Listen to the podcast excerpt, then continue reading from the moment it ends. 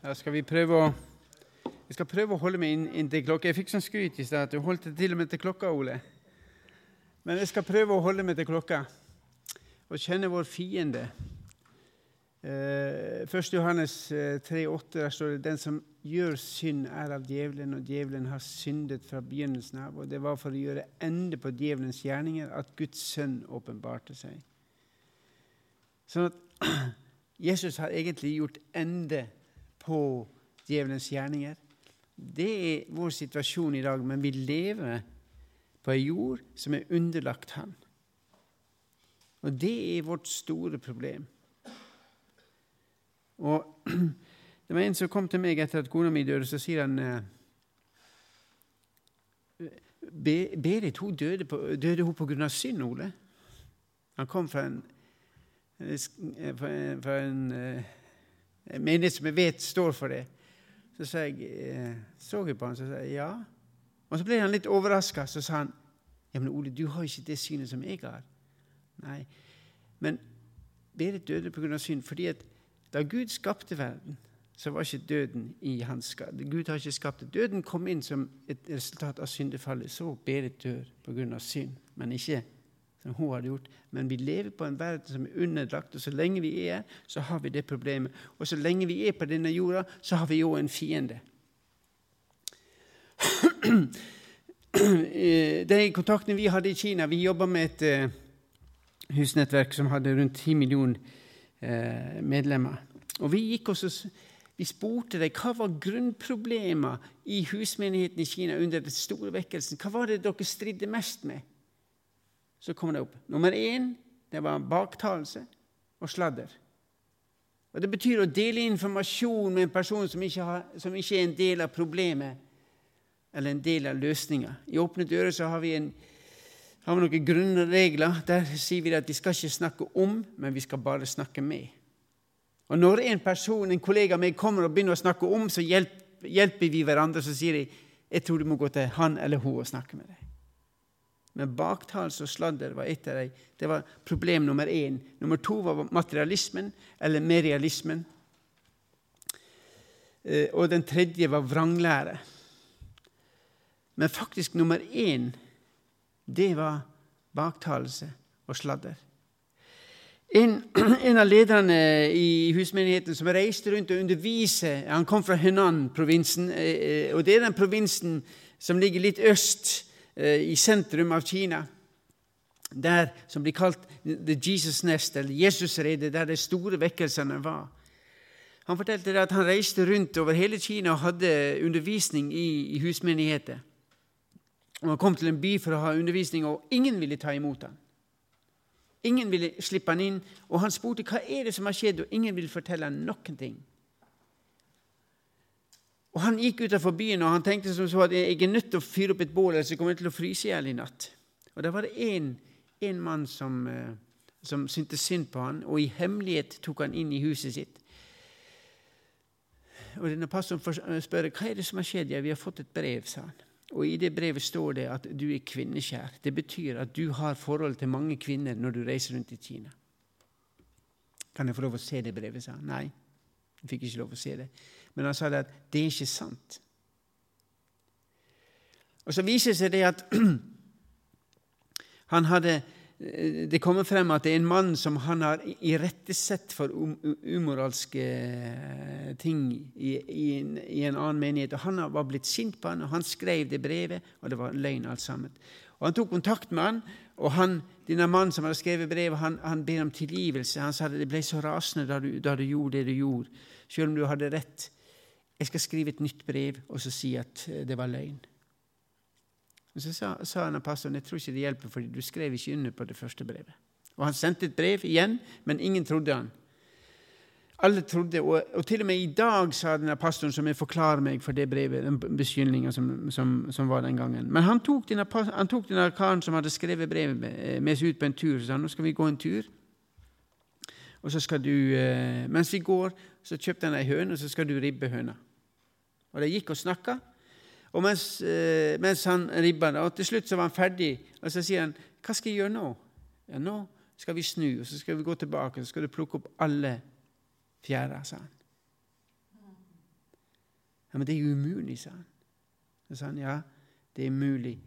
På samme måte som du har, du har, du har løyet på meg, det er umulig å ta de ordene tilbake. Så du har ødelagt min tjeneste i den delen. Og han sa det at dette var egentlig ikke et åndelig angrep, men det var en mann som mista besinnelsen sin. Og så velger han å gå på baktalelse. Og igjen så er det liksom Hvordan lever vi? Har vi en sånn kontakt med Jesus og Gud at han ville hindre oss i dette her? I ethvert slag er det en fiende. Seier eller tap bestemmer altså hvor godt du kjenner fienden, og hvor godt du kjenner taktikken hans, og hvor god din strategi er. Har vi en strategi om å bli stående mot vår fiende? Jesus han brukte Guds ord når Satan kom og frista han. Han svarte bare med Guds ord, og jeg tror løsninga er Guds ord. Det å lidelse etter Guds vilje og mening. Og det igjen, der er ting som vi blir utsatt for, og Gud har tillater det. Hvis du ser på jobb Gud tillater Satan. Og det står at I åpenbaringsboka så kommer vi tilbake til at der står det at Satan er anklaget fremfor Gud. Anklager han eh, oss fremfor Gud hver dag, står det. Han er en anklage. Men lidelsen, når Gud tillater lidelse, så har Guds et endelig mål gjennom forfølgelse eller lidelse at troende skal bli forvandla til Hans sønns bilde. Og Det er det fantastiske å se i den verden hvor forfølgelse er, hvordan folk kommer ut sterkere i troa enn da de gikk inn. Fordi de erfarer Guds nærhet. Og Det handler om å trene seg opp og høre Guds stemme.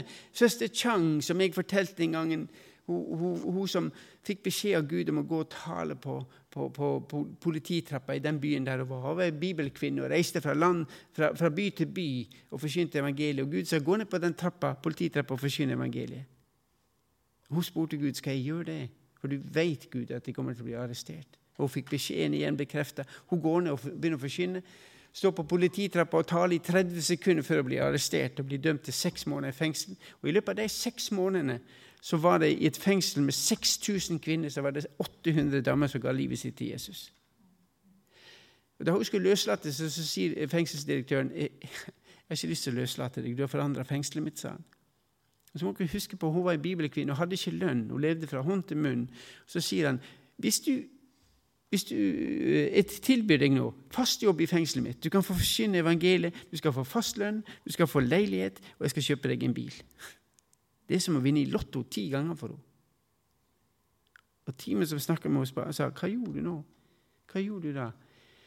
Jeg sendte et telegrambønn om til Gud og sa hva, hva gjør jeg? Og jeg fikk svar med en gang. Så svarer hun denne fengselsdirektøren takk for tilbudet, men jeg har tjent én herre i hele mitt liv og vil fortsette å gjøre det. Jeg vil jeg vil ut, jeg vil fortsette å tjene Jesus. Og de som satt og hørte på, og sa 'Hvordan kunne du gjøre det?' Du fikk muligheten til å forkynne for 6000 kvinner i det fengselet. Og så smiler bare søster Chang og sa det er 800 andre som kan gjøre det. Det er 800 som har funnet Jesus, og de vil fortelle. Den dama reiste rundt fra by til by og fant jobber. En gang så hadde hun fått jobb på et, på et, eh, på et, et eh, gruve, gruveselskap. Hun var i administrasjon, og hun hadde fått beskjed om at hun skulle ringe klokka på, på et bestemt tidspunkt da det var lunsj. Og Si det var klokka tolv. Hver klokka tolv så var det søster Chang ringte på klokka, og da kom alle ut av gruvene. En dag sier Gud til henne hun er på jobb, 'Ring klokka'. Søster Chang sier til Gud, 'Det er ikke ti ennå'. Klokka er ikke tolv. Ring klokka. Og Hun er lydig, hun, hun, vet at Gud taler til henne. Hun går, så ringer hun på klokka, og folk strømmer ut av gruvene. Administrasjonen blir rasende. Kommer ned, 'Hva er det du driver på med?' 'Hvorfor ringer du klokka?' 'Jo, fordi min Gud har sagt at jeg skal ringe klokka.' Og det blir rasende på Og alle står ute, alle arbeiderne står der mens de skal til å gripe fatt i Chang. Og da kommer et av de største jordskjelvene som har vært i denne området. Og folk i byen merker jordskjelvet, og det strømmer opp til, til, gruvene fordi De visste at mennene var i gruven. De kommer opp der, så står alle sammen på utsida og så sier hva er det som har skjedd. Jo, denne kvinna tror på en gud som sa hun skulle ringe klokka, og de har redda alle mann. Og dere, forfølgelse Guds endelige mål er at troende skal bli forvandla til Hans sønnsbilde. At vi blir satt i stand til å høre hva Han sier. Men når vi lever på denne jorda her, så, det, så har vi noen kilder til lidelse. Og Paul uh, Esterbrooks og Jim Cunningham har satt opp uh, en, et diagram på hva slags lidelse er det vi har. Jo, For det første så har vi kjød, altså vår syndige uh, natur. Det striver vi med så lenge vi er her. Det jeg vil, det gjør jeg ikke. Men det jeg ikke vil, det gjør jeg. Paulus han beskriver det. Jeg har en kamp inni meg. Og så har du det livets omstendigheter. At vi lever i en verden der denne verdens fyrste er Satan. Og så kommer verden. At hvis det vennskap med verden er fiendskap mot Gud Og midt oppi der lever vi. Og så har vi da til slutt djevelen, som er vår motstander. Som går omkring som en brølende løve Altså, I Norge går ikke han rundt som en brølende løve. Det er, definert, det er en annen definisjon der han går rundt som lysets engel. Men den brølende løva er der. Og jeg har lyst til å si, eh, Før vi går videre, bare ta Efeserne 6,12. 10-12. For vi har ikke en kamp mot kjøtt og blod. Altså, det er ikke mennesket som er vårt store problem. Det er ikke muslimene, det er ikke hinduistene eller buddhistene eller kommunistene. Vi har ikke en kamp mot mennesket. Og Broder Andreas han var i Sør-Afrika. Vi skulle starte opp eh, Open Doors Sør-Afrika. Og Derek Jones, som var der nede, som var lederen vår, de var veldig nervøse. fordi at akkurat på den tida så var det veldig sterke kommunistiske retninger i Sør-Afrika. Og de visste at flere av dem ville komme på møte med broder Andreas. Og broder Andreas som snakker om det han gjorde i Øst-Europa, der han hjalp kristne bak det kommunistiske jernteppet. Og Mens han står på talerstolen, så er det en som reiser seg i salen så sier han, så roper han på engelsk Are you against the communists? Er du imot alle kommunistene? Og, og, og Derek Jones som satt der, og, og, de som satt i ledelsen, de, de, de krympa seg og sa nå skjer det. Og broder Andreas han ser opp mot denne mannen, så, så sier han Nei, jeg er ikke imot kommunistene, men jeg er for Jesus Kristus, sa han. Og det ble blikkstilt. Og han har så rett. Vi er ikke imot noen mennesker, men vi er for Jesus Kristus. Og broder Andreas kom en gang inn til et muslimsk land, inn til muslimske, muslimske ledere, og de sa det at du er velkommen til landet vårt på én betingelse. Ja, hva er det, sa broder Andreas. Hvis du ikke snakker stygt om islam. Han sa jeg skal ikke snakke stygt om islam, men jeg kommer til å snakke om Jesus. Så er det helt greit bare du ikke snakker stygt om islam. Okay. Det er ikke mennesket som er vårt problem. Men Vårt store problem er mot makt, mot åndskrefter, mot verdens herskere i dette mørket, mot ondskapens ånde her i himmelrommet. Og De som da sier at de forfulgte kristne de trenger Jesus desperat for å overleve Du og jeg har den samme fienden. Og dere, vi trenger Jesus desperat hvis vi skal bli stående. Det er derfor Jesus sier at ta på fulle rustninger. Og, og Gud har gitt oss en rustning. Gud har gitt oss sitt ord slik at vi kan stå i alle ting. Han har ikke lovt at vi skal overleve alt, men han har gitt oss evig liv. Han har gitt oss evig liv. Og Bror Andreas fleiper litt når han sier det at jeg kan sende dere overalt. Jeg kan, jeg kan hjelpe dere å komme over, men det er ikke sikkert eh, jeg har returbilletten til dere. Men han, han, og, men han, tuller litt med det, men samtidig så sier han når vi tjener Gud, så må vi gå. Men det er ikke alltid vi vet at vi kommer tilbake. Men det har jeg lært med deg, sa han. De satser, og de vil gå. Uansett. Fordi at det de ser at vi har ikke en kamp, Det er ikke mennesker som er vårt store problem, men det er vår fiende. Og Vår fiende har et navn, og det er i vår del av verden så Jeg har hatt folk som kommer til meg når jeg skal på TV-intervju, TV så sier Ole, kan du ikke bruke et litt annet navn enn Satan? Fordi det, det, det, det klinger litt sånn gammeldags. Ja, jeg skal, jeg skal, det er greit, det, men, men vi har en fiende, han har et navn. Og egentlig er det slik at Hvis du går på gata i Norge og så snakker, eller i den frie verden, og så spør du noen helt tilfeldig tror du på Satan, så ler de av deg. Er du så gammeldags? Er du ikke kommet lenger? Og så går du til Afrika. Det er folk som aldri har gått en dag på skole, og så spør du tror du på Satan, så ler de av deg. Kan du være så dum og ikke tro med han? Vi gjør jo alt for å tilfredsstille han. For å slippe at han skal ødelegge for oss. Han har et navn. Men før, før, vi kommer til det navnet, så skal vi bare minne hverandre om første kor at Gud være takk som gir oss seier ved vår Herre Jesus Kristus. Det er vår posisjon. Og navnet hans det er ulydig hersker. Bedrager, ødelegger. Hvis dere vil, så kan jeg gi det til Reidar, disse her powerpointene mine. Jeg gir det som en PDF, så de av dere som vil ha det, så kan få det med Reidar. Eh, hvis dere ønsker det. Så kan dere få, få se på. Pluss at dere kan Men hvis dere kjøper boka, så finner dere alt her. Det er kanskje like greit.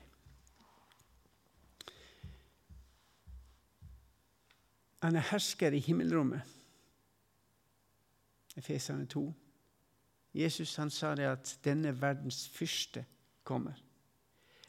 Husker dere når Jesus ble eh, frista av Satan? Så sier Satan hvis du bare faller ned på kne, så skal du få alt dette. Jesus gikk ikke i argumentasjon, for han vet for, for, Fordi dette er Satans område nå. Han er denne verdens fyrste. Inntil den dagen han skal ta det opp og gjør, ta et oppgjør. Den, og han, han blir også kalt denne verdens gud.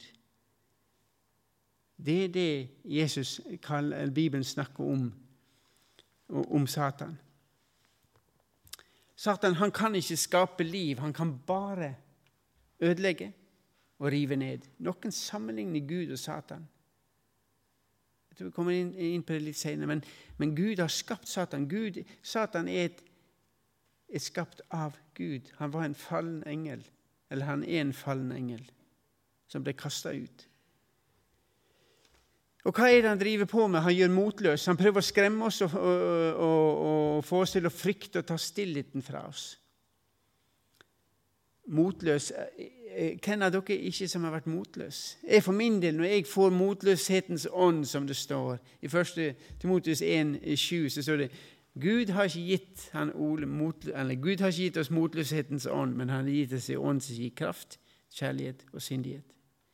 Så hvis motløsheten kommer hos meg, så proklamer det det verste. Jeg tar ikke imot det. Jeg vil heller ta imot det som min Gud gir meg.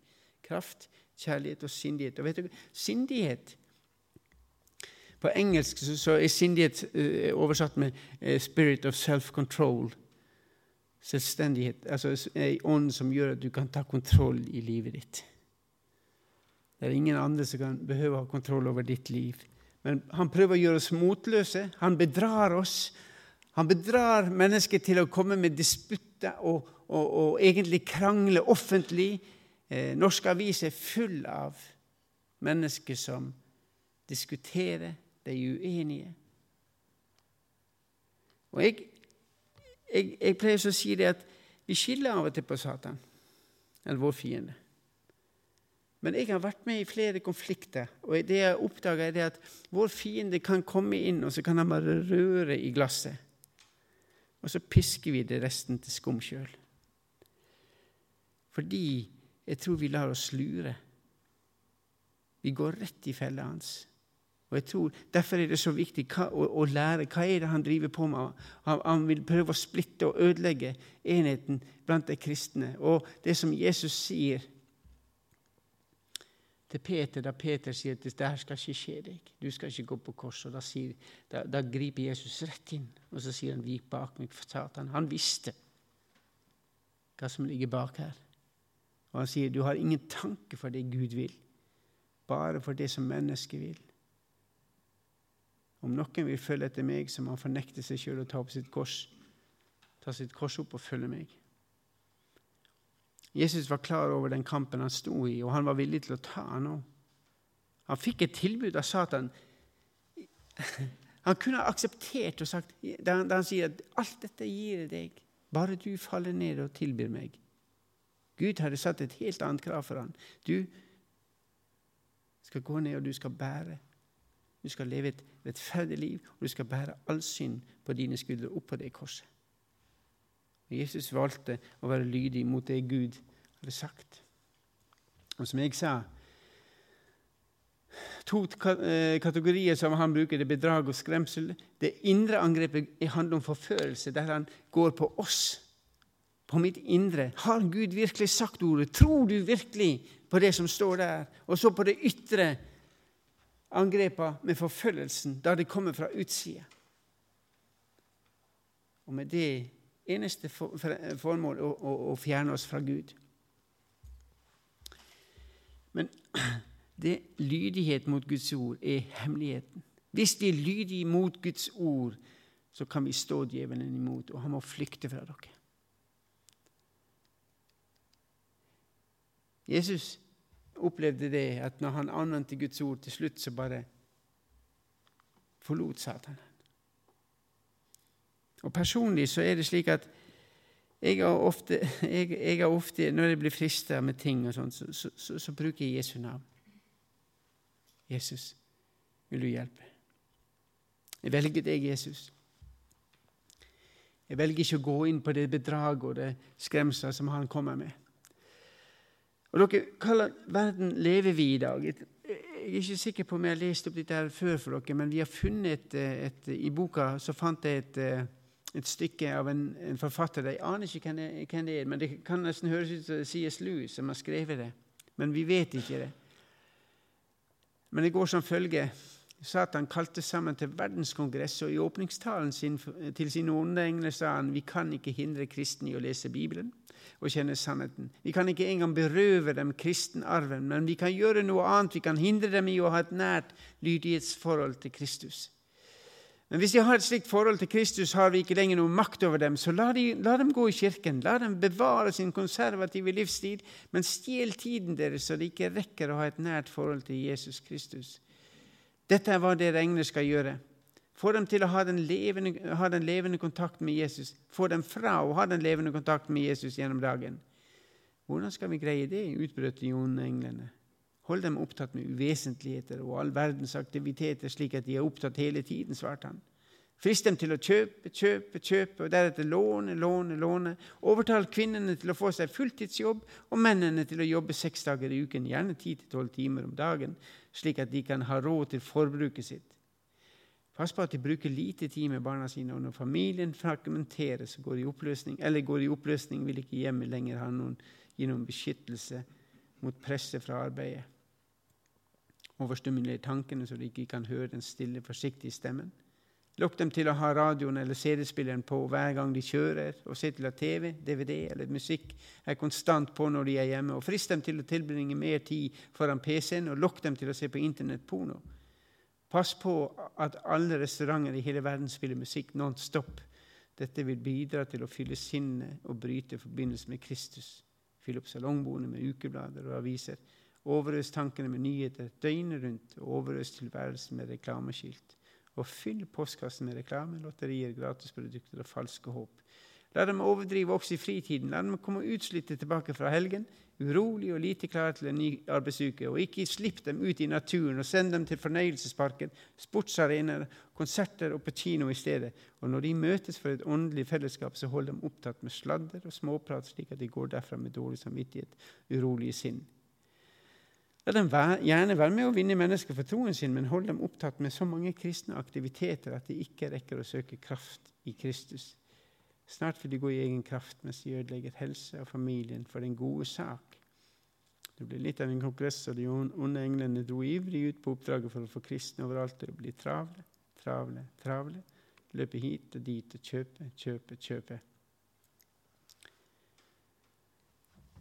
Og det, det beskriver jo litt av den verden vi lever i. Jeg kjenner meg veldig igjen. Og eh, som sagt Det de forfulgte sliter mest med når vi snakker med dem. Hva var det problem som dere hadde mest med i deres forsamlinger? I menigheter? Hovmod, skyld, falsk skyld, loviskhet, frykt, synkretisme, travelhet, materialisme, kjetteri. Det var det de hadde mest problemer. Jeg skal ta og nevne noen av disse her. Hovmod. Dere ville bli som Gud. I ordspråkene 6,17 så står det av, de, av, av uh, hovmodige øyne så øverst på lista av syv ting som Gud avskyr. Hovmodighet. Og Det er en som har sagt det, og C.S. Louis skriver at en hovmodig mann vil alltid se ned på folk og ting, og selvfølgelig, når du ser ned, kan du ikke få øye på det som er over deg. Det er godt sagt. Når Gud er ute, kommer hovmodig inn. Og dette her med å, være stolt uh, jeg, tror, jeg, tror, vi alle kjenner litt på det. Men når Gud er ute, så kommer hovmodet inn. Og vi har det skyld. Når jeg har skyld, så, så, så tenker jeg alltid på 1. Johannes 1,9. Eh, Men dersom vi bekjenner våre synder, er Han trofast og rettferdig, så Han tilgir. Det er vår situasjon og David han viser erfaringene sine på hvordan han håndterer synd med overbevisning, overbevisning om synd, erkjennelse, bekjennelse, søke tilgivelse, motta tilgivelse og få glede og lovprisning som en følge av det. Og Hvis synda håndteres på den måten, var det en som sa, så vil den ekte skylda forsvinne. Og Satan han har ofte rett når han kommer og anklager oss. Det er jo det som er det store problemet. Han har rett, Ole, og så minner han meg om på ting. Men, men Gud, han tilgir. Han har der er, ja, Som dere vet, der er, der er fisking forbudt i glemselens hav. Og Gud, han har glemt og Det er så fjernt fra oss mennesker at det er vanskelig for oss å forstå at Gud tilgir. Satan, han minner oss, men Gud har tilgitt. Falsk skyld eller loviskhet. Altså, når jeg las dette her, at hvis sann skyld er et resultat av å være ulydig mot Gud, så kommer falsk skyld fra menneskets fordømmelse og målestokk. Veldig ofte så er det i vårt liv veldig viktig hva andre mennesker sier. Jeg husker i 2004 2003 så kom jeg eh, fra, fra, Vietnam. Og Jeg kom hjem igjen og jeg sitter med kjøkkenbordet sammen med Berit, som var kona mi da, og Carmen, nummer tre av våre. Og så sier Berit har, vi har noe vi skal fortelle deg, Ole. Ja, hva det er, sa jeg. Og så sier jeg Carmen er gravid. Og vet du, Vet dere hva jeg tenkte? Det første, første jeg tenkte på når jeg fikk den beskjeden Og Jeg, jeg pleier også å si det. Den varte ett eller to sekunder, men det, min første tanke var Hva vil folk si?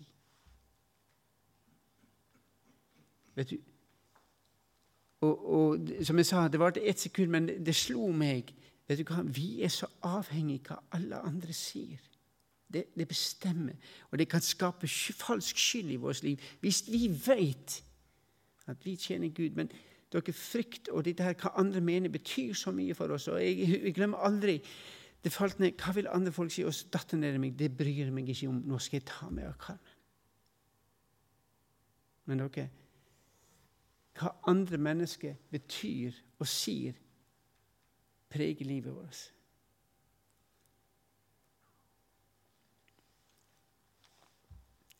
Satan prøver å få oss til å fokusere på fortida eller framtida, og Gud vil at vi skal konsentrere oss om nåtid. Jeg syns det er så flott sagt. Satan snakker om fortida, han snakker om fremtida. Men Jesus sier, 'Men nå, Ole, nå.' Be om tilgivelse for synd i fortida. Legg fremtida i hans hender, og lev for han i dag. Og jeg tror broder Andreas han sier det så flott. Gud er fantastisk, sa han. Hadde jeg visst hva, hva jeg gikk til i 1955, da jeg sa ja til å tjene han, Hadde jeg visst hvor stor Open Doors ville bli, så hadde jeg aldri turt. Men Gud er nådig. Han lot meg ta steg for steg. Og Det betyr la oss leve i dag. La oss leve sammen med Jesus i dag, og la oss slippe Jesus inn i hjertet vårt i dag. Og Vi aner ikke hvor Gud fører oss. Hadde jeg visst det da jeg slutta på teknikken i 1980, da jeg var ferdig på bilteknisk, at jeg skulle reise rundt i over 20 år og forkynne evangeliet, så hadde jeg ikke trodd han. Men Gud har vært nådig, og så får jeg lov å ta dag for dag, og så er jeg der jeg er i dag.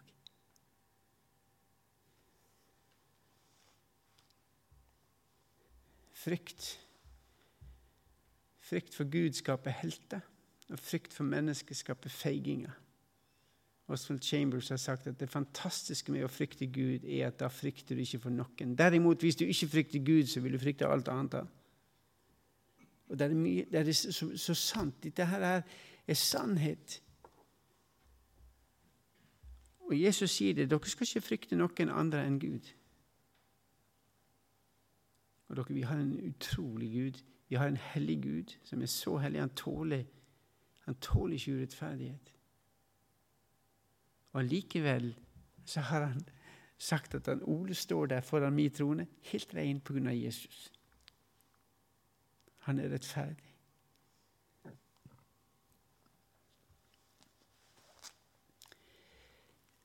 De har Pål og de, de, de sier hva slags verden lever vi i dag? Hvordan har verden blitt? Og De har tatt de ti buda som de bibelske buda, og så har han satt det, de sekulære buda. Altså, det, ingen, det er ingen andre guder. Verden sier det finnes ingen gud og ingen moralske absolutter i dag. Det finnes ingen avguder. Alle religioner er hellige gjenster, og hellige gjenster er like. Alle veier fører til Gud. I 1999 så var verdens kristne ledere, mange av dem Paven var der. Eh, lutherske kirke var der, hinduistene var det, buddhistene var det, islam var det. Og vet du hva konklusjonen på, på, på, på den konferansen ble? Det, ble, det var en hindu, hindu som avslutta og sa det var så godt å være her, for nå har vi lært at alle veier fører til Gud. Mens vi, og mens vi kristne vet at det finnes bare én vei, og det er gjennom Jesus Kristus. Du skal ikke misbruke Guds navn. Toleransen rår, du skal ikke være dømmende. Du skal holde helligdagen hellig. Alle dager er like. Ære din far og din mor. Jeg først. Ekteskap er et slaveri, og barn binder. Du skal ikke drepe. Det er min kropp, mitt valg. Abort og eutanasi er derfor ok. Skal ikke bryte ekteskapet. Sex for nytelsens skyld, uten moralske hensyn. Det er frihet. Ikke stjele. Samfunnet skylder meg å betale for min selvrealisering. Ikke gi falsk vitnesbyrd. Si hva som helst for å oppnå det du ønsker. Ikke begjære. Materialisme og grådighet bidrar til en ny verdensordning. Og Det kan være satt på spissen, men dette er det vi lever der du og jeg som kristne. Her kommer vi inn. Hva er vi i denne verden? Er vi en forskjell, eller lar vi oss påvirke? Å leve i overensstemmelse med verden vi lever i, kan være det mest subtile. Når jeg leste subtil, hva betyr subtil? Jo, det betyr mest utspekulerte form for å fornekte Jesus Kristus. Hvis du blir som denne verden, hvis du lar det påvirke av verden, eller skal vi påvirke verden? Kåre ten Boom sa en gang at vi kristne vi er som termostater. En termostat er slik laga at når det blir kaldt, så slår han inn for å skape varme. Og Sånn burde vi kristne være. at Hvis de får et samfunn med lite kjærlighet, så vil vi bli slått inn, og så skaper vi en helt ny atmosfære fordi at vi har det som skal til for å skape den forvandlinga. Vi har Jesus Kristus. Og som jeg sa, sekulær toleranse. Man forsøker å utrydde religion fra det offentlige rom og om mulig fra folks hjerter. Og dere, Vi må passe oss, for det passer så godt det at du kan være kristen, Ole, men behøver ikke gå og fortelle det til alle sammen.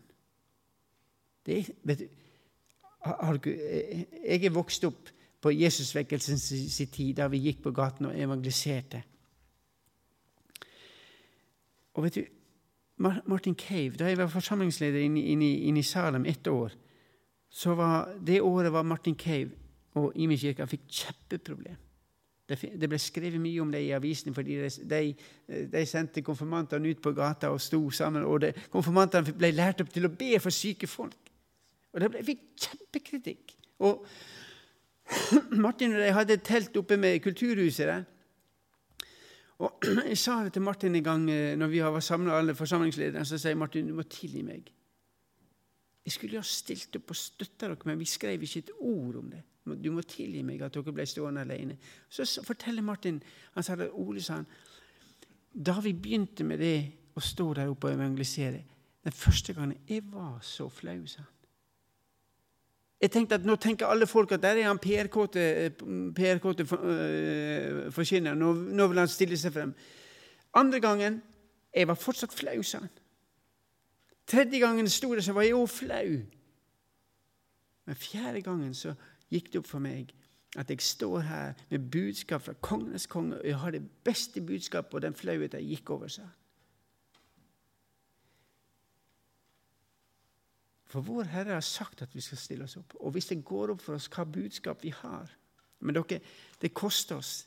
Jeg er overbevist at hvis dere sånn som Martin, det går kanskje tre, fire, fem, seks ganger før dere flauheten går over, før dere oppdager at vi står jo med det beste av det beste. Og det at det er forfølgelse, det er, en, det er en åndelig krig som pågår. En kosmisk konflikt mellom to uenige kongeriket. Lysets kongerike mot mørkerikets kongerike. Jesus Kristus mot Satan og den brølende løve mot løven av Juda. Og hva slags løve velger vi? Jeg velger løven av Juda. Det er det to løver. Jeg skal avslutte, gå mot avslutninga. Dette her er en mann, Hussein og datteren hans Yasil.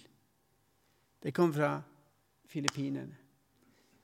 Hussein hadde ikke utdannelse. Han var sønn til en imam, men valgte ikke islam. Han valgte mafiaen. Han valgte å bli med i gjengen. Og han var ikke gammel Hussein før han drepte sin første mann. Og Det gikk ikke lenge før Hussein ble tatt av politiet og fikk en livslang dom for drap. Inne i fengselet ble, kom det en misjonær som forkynte evangeliet, og Hussein kom til tro. Og han ble totalt forvandla. Han snudde helt om, og fengselsledelsen Jeg vet ikke hvor lenge han var i fengsel, men han ble satt fri fordi de så at han var totalt forvandla. Men Hussein kommer ut, og som fengselsfugl En som har vært i fengsel i, på Filippinene, ville aldri få en annen jobb enn å være gatefeier. Men kona til Hussein så at han hadde en nådegave til å forkynne, til å dele evangeliet med folk. Så hun sa at 'jeg skal koste gatene for deg', og du skal, du skal forkynne evangeliet. Han satte opp et, et skur sånn som dette her er. Han, han sa 'Welcome, Hands for Christ Religious Library'. Altså et kristent bibliotek. Vi hjalp han og ga han bøker. Han lånte ut bøker, og han satt der og forkynte evangeliet. Men han fikk beskjed at hvis ikke du slutter, så kommer vi til å ta livet ditt.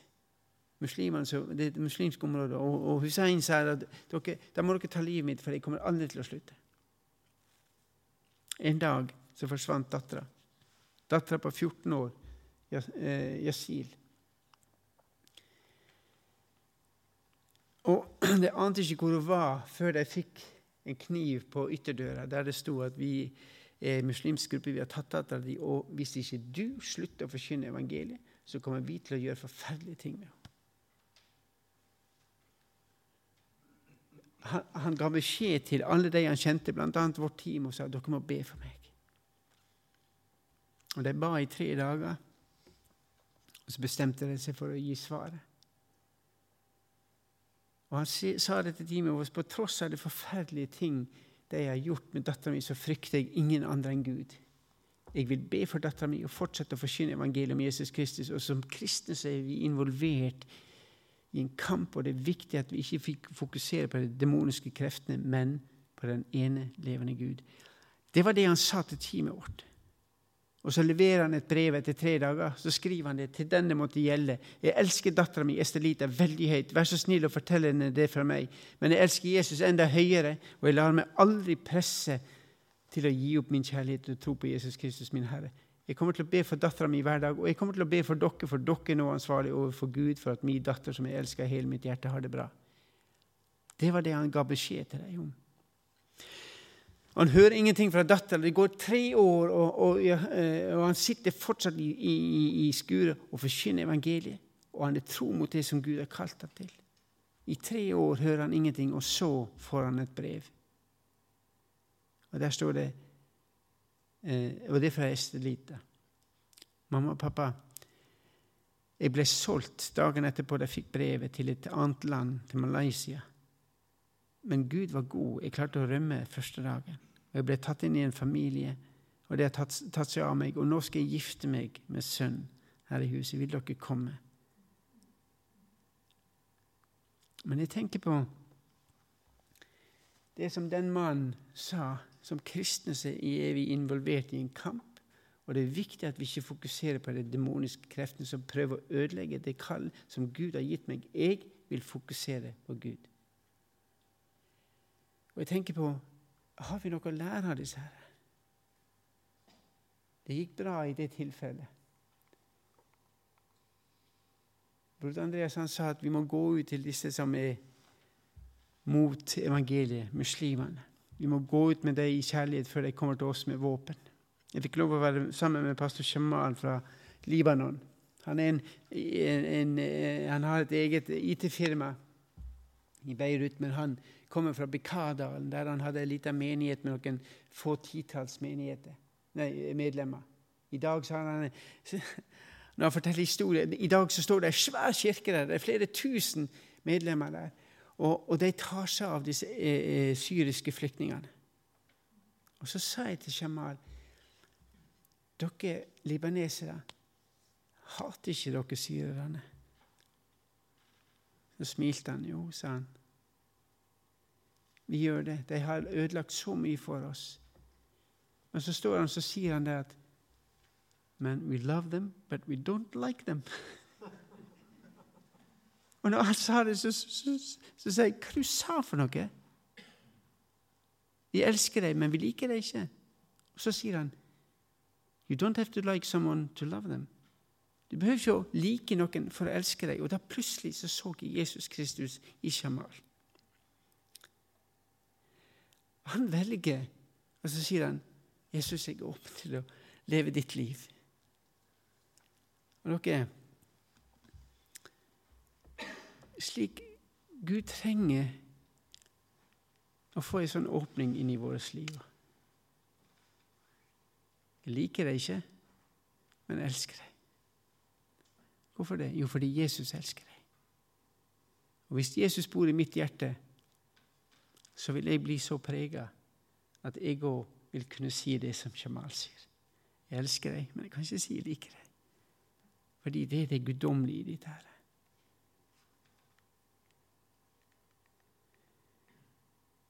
Jeg tror jeg avslutter med det.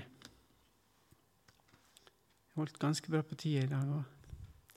Men kan jeg få lov å be litt først? Jeg takker og jeg priser deg, Herre Jesus, for at vi kan få lov å tjene deg. Og så takker jeg deg, far, at det ikke bare er de som reiser og jobber i misjon, som tjener, men det er hver enkelt. At du som har kalt oss, du er trofast. Og jeg tror, Jesus, at du har kalt oss inn i de forskjellige jobbene. Du har kalt oss til å være direktør, du har kalt oss til å være lærer, du har kalt oss til å være sykepleier, du har kalt oss til å være eh, vaskehjelp, Herre Far. Vil du la det forbli slik som eh, tante Ester sa, at det vi gjør, det gjør vi for å tjene deg. Det betyr ikke hva slags posisjon vi har, men vi gjør alt vi gjør for å tjene deg. Vil du komme med din Hellige Ånd og la det få lov å bli en, en holdning i oss, Jesus? Vil du komme med din Hellige Ånd slik at vi kan si det samme som Jamal, at vi elsker deg, men vi liker deg ikke? Fordi vi behøver ikke å like deg for å elske deg, fordi du elsker deg. Og Jesus, vil du komme og skape en forvandlingen i livet vårt? Vil du ta, og forvandle de tonekratter i livet vårt til sypress? Og Herre Far, du ser vi trenger din hjelp. Vi trenger din hjelp for å bli stående. Og jeg tror, Herre Far, at det kommer tider der vi kommer til å trenge deg enda mer. Og vil du hjelpe oss til å kunne gå inn i ditt ord, til å bli stående, fordi vi kjenner ditt ord så godt. Jeg ber for forsamlinga her ute, far. Vi ber for La denne forsamlinga her få lov å bli til velsignelse for hele, hele Vigrestad, Herre Far. Eh, og La oss få lov å se det at du har ikke gitt oss Guds ord for at vi skal bli lykkelige, men du har gitt oss Guds ord for at det skal forvandle oss, slik at mennesker rundt oss skal bli lykkelige fordi det lærer deg å kjenne gjennom vårt liv. Vil du la det få lov å bli slik, Jesus? Jeg takker og jeg priser deg for din omsorg og din store kjærlighet, og at vi har fått lov å ha et land som er så godt og trygt. Men hjelp oss, Jesus, at ikke vi blir bedagelige. Men hjelp oss til å fullføre det du har kalt oss til å være, til å være lys og til å være salt. Her vi er satt. I Jesu navn. Amen.